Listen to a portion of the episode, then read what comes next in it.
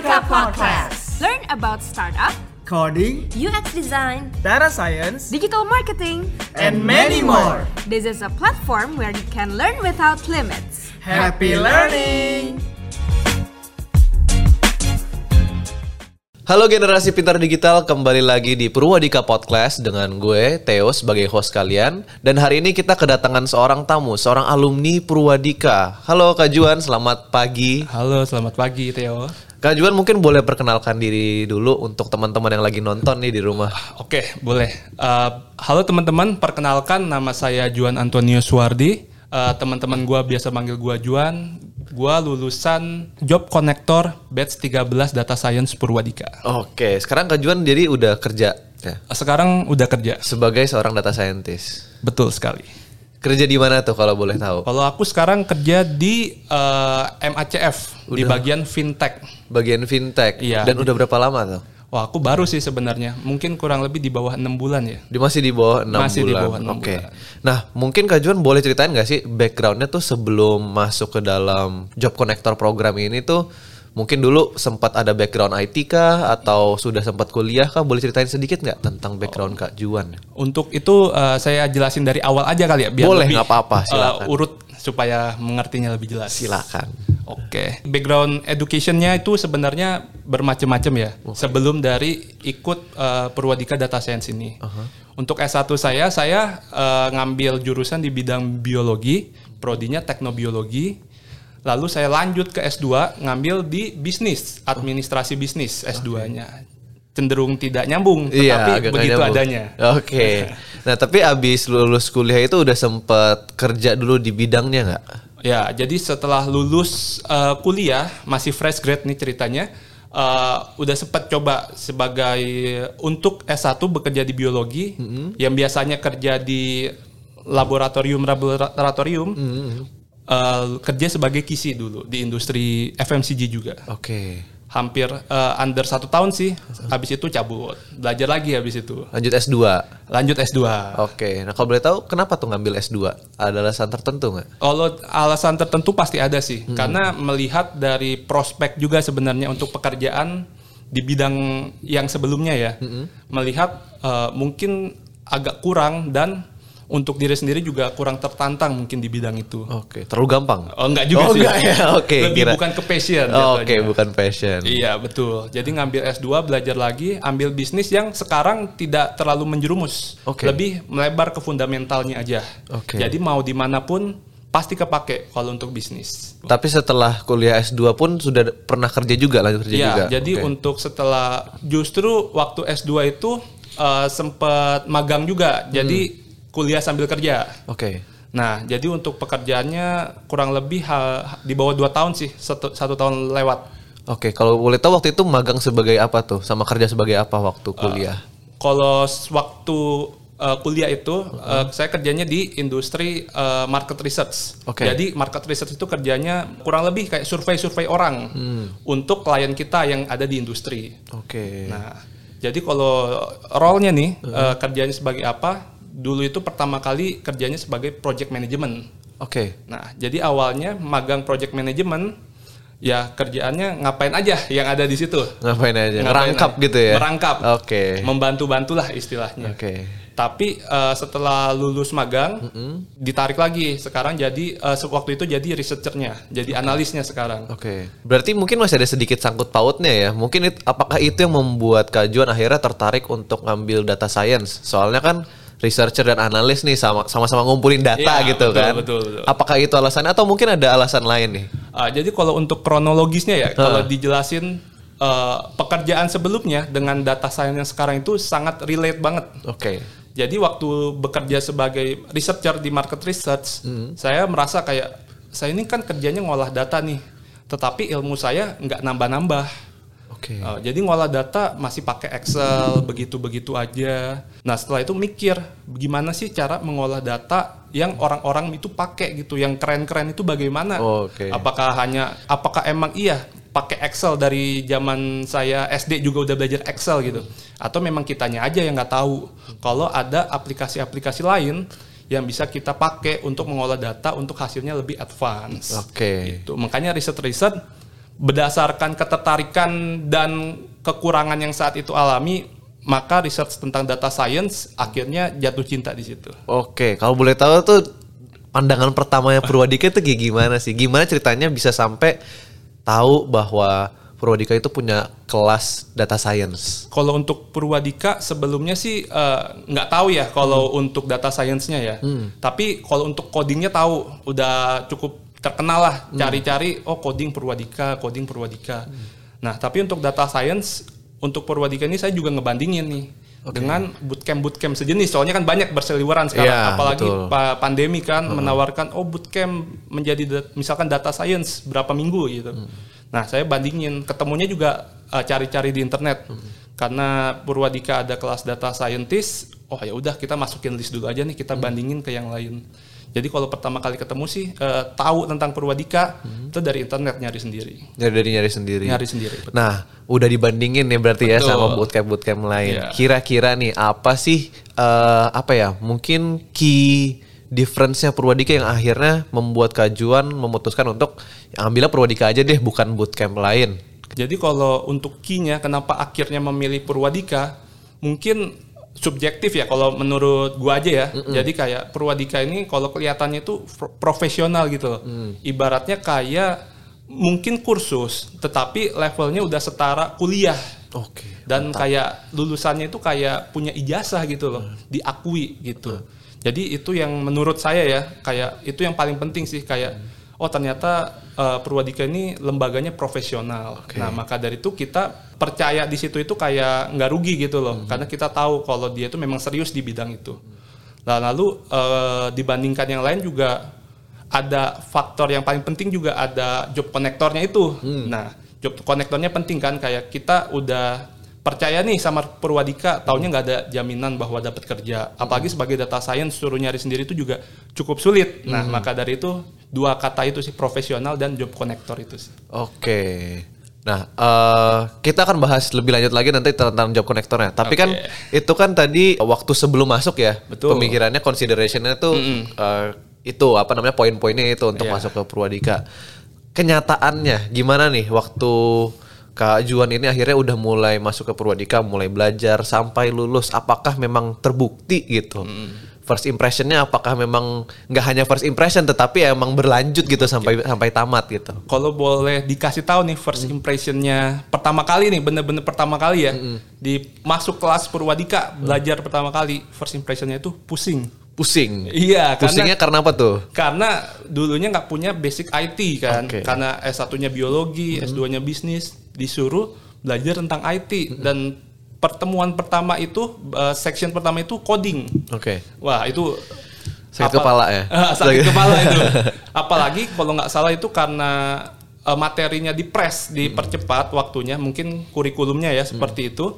Jadi ya harus bagaimanapun mendapatkan eh, belajar tentang coding itu secepat mungkin. Oke. Nah, itu sih paling first impressionnya. Oke, tapi gimana selama proses pembelajarannya mungkin ada hal-hal yang uh, selain materi nih, apakah ada halangan-halangan lain nggak? Berhubung kan sekarang kajuan juga waktu itu joinnya yang uh, online ya? Iya, online. Yang lewat uh, apa namanya uh, video call begitu ya? Iya, nggak itu. apa namanya nggak tatap muka. Betul. Nah, apa aja challenge-challenge-nya kajuan nih selama masa pembelajarannya tuh?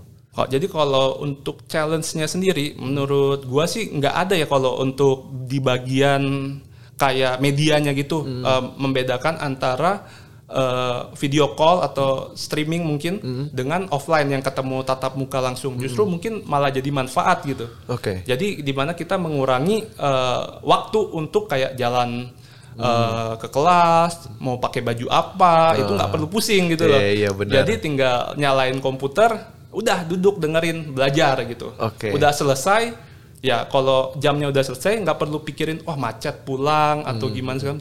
Tinggal matiin tidur. Nah justru menurut gua ya, Heeh. itu justru lebih benefit sih.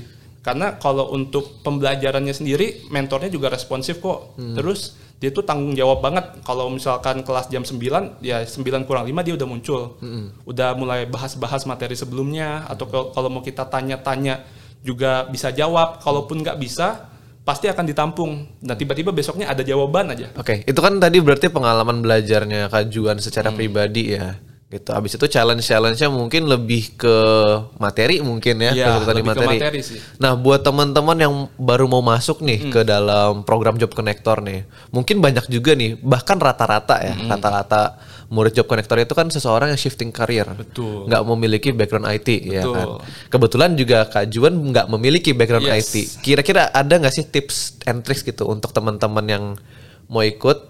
Gitu supaya mereka nggak takut gitu wah gue nggak bisa nih kayaknya kalau dari background IT-nya nggak punya sama sekali gitu Oke. sekarang kan kak Juan udah Ya, membuktikan betul. ada nggak tuh tips and tricks untuk mengatasi kayak gitu Mungkin tipsnya dulu nih buat teman-teman yang mau eh, ganti karir nih, Hmm. misalkan kayak gua ke data scientist. Tipsnya adalah kalau teman-teman udah milih Purwadika, tips nomor satu adalah percaya aja. Percaya maksudnya gimana tuh Karena apa yang diajari itu benar-benar kepake banget dengan industri yang ada saat ini. oh gitu Iya, jadi relevan banget. Jadi kalau teman-teman belajarnya A, ya ya sebenarnya data scientist itu kerjanya A gitu loh. Jadi nggak perlu khawatir. Eh, tipsnya ikutin aja. Mungkin gagal adalah eh, proses yang harus dilewati ya. Tapi jangan menyerah. Kalau teman-teman sudah berhasil, pasti bisa merasakan gimana manisnya dari perjuangan. mantap gimana manisnya dari perjuangan Ya, betul. masuk nih bridging nih kita ke topik berikutnya ini pas banget nih ini mungkin agak bukan kita nggak ngomongin nominal langsung ya kita Iya. ngomongin gaji nih sekarang Oke. nih di profesi kajuan sekarang apakah gajinya sesuai ekspektasi Hmm. gitu ini nggak kita ngasih apa namanya boosting moral dulu nih buat teman-teman buat yang mau shifting karir mungkin kan ke data science gitu Kalau ngomongin tentang gaji nih ya, Heeh. gaji. Kalau bisa dibilang sesuai ekspektasi itu balik lagi. oke bagaimana kualitas teman-teman sendiri. Jadi kalau teman-teman punya nilai lebih, itu gaji pasti menarik banget. oke menarik banget Menarik ya bahasanya banget, banget. oke Tapi kalau teman-teman hanya sekedar oke saya bisa, oke saya cuma ikutin, nah itu balik lagi ke teman-teman. Di sisi lain bagaimana teman-teman juga harus bisa menyampaikan kelebihan-kelebihannya sendiri ya. oke Tapi kalau untuk prospek itu jangka panjangnya bagus banget. Karena Jangka memang dibutuhin banget sih. Kalau ngomongin dunia data science nih, Hmm. gitu kan data science itu sebenarnya kayak bagi orang awam mungkin kan kayak nggak terlalu tahu apa sih data science itu Hmm. gitu kan. Bahkan gue sebagai web developer nih, coder Iya. nih, gue nggak terlalu tahu data science itu apa. Hmm. Nah tapi kajuan nih dari yang bahkan belum tahu tentang dunia IT ini, Hmm. tentang data science, apa sih yang mem- membuat kajuan tertarik untuk uh, ke bidangnya data science? Kenapa nggak digital marketing? Mungkin Hmm. kenapa nggak development, web development atau yang lain-lain gitu? Kenapa data science? Oke, jadi kalau misalkan teman-teman nih atau di circle teman-teman nggak kenal itu apa data scientist itu, itu wajar banget. Oke. Karena benar-benar data scientist itu bisa dibilang agak baru ya untuk diterapkan di industri yang ada saat ini. Jadi kenapa data scientist nih? Kenapa memilih data scientist dan bagaimana data scientist itu? Jadi lebih bagaimana kita lebih ke analisisnya. Karena saya tertarik ke analisis karena pekerjaan sebelumnya juga menganalisa, maka eh, data scientist itu jadi ibaratnya adalah batu loncatan. Betul loncatan. Bagaimana kita bisa melakukan analisa dengan insight-nya yang jauh lebih dalam. Oke, take it to the next level Iya, berarti ya. betul. Oke. Jadi kalau misalkan ke digital marketing, ke eh, sebenarnya digital marketing itu bagus atau web development itu bagus. Tapi kalau untuk gua sendiri karena memang basicnya adalah seneng analisa, bukan seneng bikin program atau seneng tentang marketing yang digital gitu. Jadi eh, lebih tertariknya ke data scientist. Oke.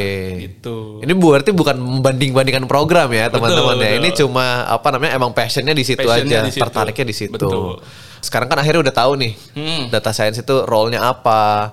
Habis itu udah punya alasan juga kenapa akhirnya masuk ke dunia data science atau dunia digital lah secara Hmm. secara uh, apa namanya secara umum. Pernah nggak sih sebelumnya nih waktu awal-awal mau daftar lah, mau daftar Purwadika, pernah nggak sih Kak Juan itu punya keraguan, ah gue mampu nggak ya? Atau cocok nggak ya nyemplung ke dunia digital nih, ke tech apa industri gitu.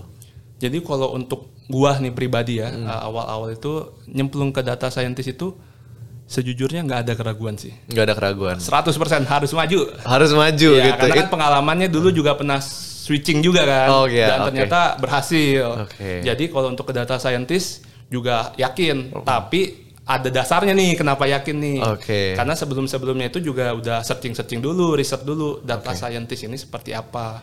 Jadi nggak salah nggak salah pilih gitu loh, nggak cuma cap cip cup, oh masuk program ini, mau program ini. Oke. Ya, jadi harus tahu dulu basicnya apa, passionnya di mana, kesukaannya apa, baru bisa yakin. Berarti itu mungkin salah satu tips juga ya untuk teman-teman Ya. ya yang mungkin mau switching karir, belum tahu tentang bidangnya gitu. Betul. Jangan modal nekat kali ya. Betul, ya, tetap harus cari tahu tentang apa namanya program yang diambil itu apa Yes, kira-kira dan betul. apakah cocok dengan passion atau tidak gitu. Ya. Oke, nah itu kan satu tips apa namanya secara tidak langsung nih kayak Oh, John udah kasih tahu. oke. Kira-kira nih buat teman-teman yang lain nih yang lagi mencari peluang untuk berkarir di dunia digital, ada tips-tips juga nggak? Apalagi khususnya yang buat switching karir juga ya. Ini kan Kajuan juga nih switching karir. Ada nggak mungkin dari pengalaman Kajuan sudah bekerja atau bahkan pengalaman saat belajar gitu, ada mungkin hal-hal yang mau disampaikan nih untuk teman-teman yang baru mau cari peluang untuk berkarir di dunia digital. Jadi buat temen-temen nih yang mau cari peluang, peluang itu pasti ada kalau kita cari. Oke. gitu. Jadi akan tetapi eh, kitanya juga harus siap nih. Pertama harus benar-benar siap dulu. Jadi saat peluangnya itu ada, kitanya bisa langsung eksekusi. Nah, bagaimana kita siap? Yaitu kayak ya udah kita harus menguasai dulu bidangnya seperti apa. Nah, jadi kalau misalkan teman-teman teman-teman ini mau misalkan switching karir, ya perdalami dulu dan yakin dulu dia itu apakah kamu bisa gitu loh uh, switching karir. Dan apakah kamu mau melanjutkan terus? Nggak cuma kayak ya udahlah switching karir nanti tengah jalan switching karir lagi Ah, gitu. jangan oke. seperti itu benar-benar harus yakin harus bertanggung jawab sih intinya. Tapi kalau peluang pasti ada aja. Oke, jadi selain menguasai apa namanya technical skill ya bisa Iya. dikatakan ya, tapi juga tetap harus punya keteguhan hatinya ya. tapi menambahkan nih tapi yang paling penting itu ya technical skill Tetap technical skill tetap ya. technical skill. Jadi ya kalau misalkan mau data scientist eh, contohnya ya tentang coding, Python, tentang machine learning itu ya wajib hukumnya. Berarti itu juga pentingnya research ya. Mungkin harus tahu juga nih bidangnya yang mau gue cemplungin tuh apaan gitu. Yes. Jangan asal-asal doang. Iya, betul. Gitu. Sehingga bisa kita dapat ada gambarannya mungkin ya sebelum Iya. akhirnya kita masuk ke dunia tersebut. Iya, betul. Kayak gitu. Oke, sekarang Kak John juga udah bekerja sebagai sebagai seorang data scientist Mm-hmm. dan pekerjaan ini kan didapatkan melalui penyaluran eh, pekerjaan lewat PCN gitu ya, Iya, program karir networknya Purwadika. Nah, boleh kasih tahu nggak jelasin sedikit tentang PCN, mungkin cara kerjanya mereka Mm-hmm. atau eh, experience-nya Kak Juan berhubung juga salah satu eh, key point masuk Purwadika adalah kan job konektornya kan. Iya, betul. Kayak gitu. Boleh jelasin nggak sedikit tentang PCN? Oke, ini berarti eh, review jujur nih ya. Review jujur ya, honest review. Iya, oke. Jadi kalau untuk di PCN-nya sendiri itu kalau misalkan jelasin tentang program itu kayak ada pelatihan tentang pembuatan CV. Jadi kayak kita ikut sebuah kelas yang isinya tentang penjelasan oh HR ini maunya kalau kita interview itu seperti apa, pertanyaan apa yang eh, oke atau jangan dilakukan saat interview kayak begitu itu dibahas untuk fundamental saat interviewnya. Lalu juga dibuatkan CV. Jadi kita itu ada format khususnya CV. Jadi sehingga tim HRD mungkin rekruter yang lain dari industri lain atau perusahaan lain itu kayak bacanya itu oh key point-nya ini ini ini ini. Dan selebihnya itu cenderung eh, tidak terlihat.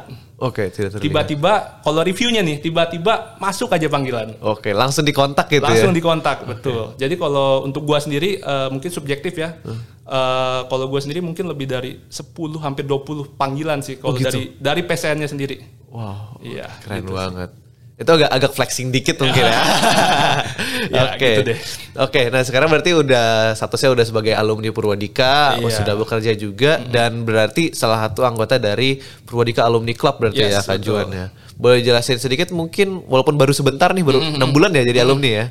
Boleh jelasin sedikit nggak tentang pengalamannya di PAC itu kayak gimana? Nah, jadi eh, salah satu benefit yang gua rasa nih ya kalau dari Purwadikanya sendiri itu kayak lu belajar udah dapat ilmu, udah disalurin kerja. Nah, terakhirnya ini masih dapat pembelajaran lagi. Wah, after service-nya ya, Iya, berarti. after service-nya. Oke. Jadi eh, di PAC itu sering beberapa kali diadain kayak seminar-seminar Hmm. tentang bagaimana perkembangan kalau gua data scientist ya. eh, perkembangan data scientist yang ada di industri di Indonesia. Hmm. Jadi dia mengundang narasumber yang data scientist eh, sudah profesional, mungkin sudah senior membagikan bagaimana cara dia bekerja secara teknis. Iya. Nah, jadi eh, saya sebagai alumni jadi tetap update nih ilmunya, nggak Hmm. cuma yang dipelajarin waktu kelas doang, tapi yang real life eh, kemampuannya itu tetap dibagikan dari Purwadikanya sendiri Oke, berarti dan free. free ya. Free. Itu yang paling penting Itu ya. paling itu paling penting. penting. Berarti bisa dikatakan selain sebenarnya untuk apa namanya kayak tuition fee untuk belajar di Purwadika dan penyaluran kerja, ini juga kayak semacam membership ya bisa dikatakan Membership, kayak betul. membership uh, selain apa namanya uh, dapat pembelajaran tapi juga dapat service dari Purwadika Career Network dan juga ada apa namanya perkembangan ilmu yang didapatkan Iya. dari community-nya Purwadika Alumni Iya. Club gitu Karena ya. kan di sana community-nya kalau gua data scientist berkumpul dengan lulusan data scientist lainnya. Jadi bisa saling sharing, sharing Betul, ilmu ya. iya. Oke. Oke, thank you banget Kak Juan udah membahas tentang kehidupan pribadi nih dan personal experience-nya di Purwadika. Udah berani untuk switching karir gitu ya. Walaupun berapa dua kali ya switching karir ya Iya, dua technically ya dan akhirnya sekarang nyemplungnya di dunia digital. Abis itu thank you juga udah kasih tips-tips untuk teman-teman dan udah sharing pengalamannya selama pembelajaran dan after service-nya lewat Career Network dan uh, Purwadika Alumni Club ya. Oke, jadi mungkin itu aja yang bisa kita bahas di video kali ini teman-teman. Oke, thank you juga untuk teman-teman yang udah nonton. Jangan lupa like, comment, dan subscribe. Dan kita akan bertemu di video selanjutnya. Sampai jumpa. Thank you for listening Purwadika Podcast. Don't forget to follow to keep up with our upcoming episodes. See you and have a great day.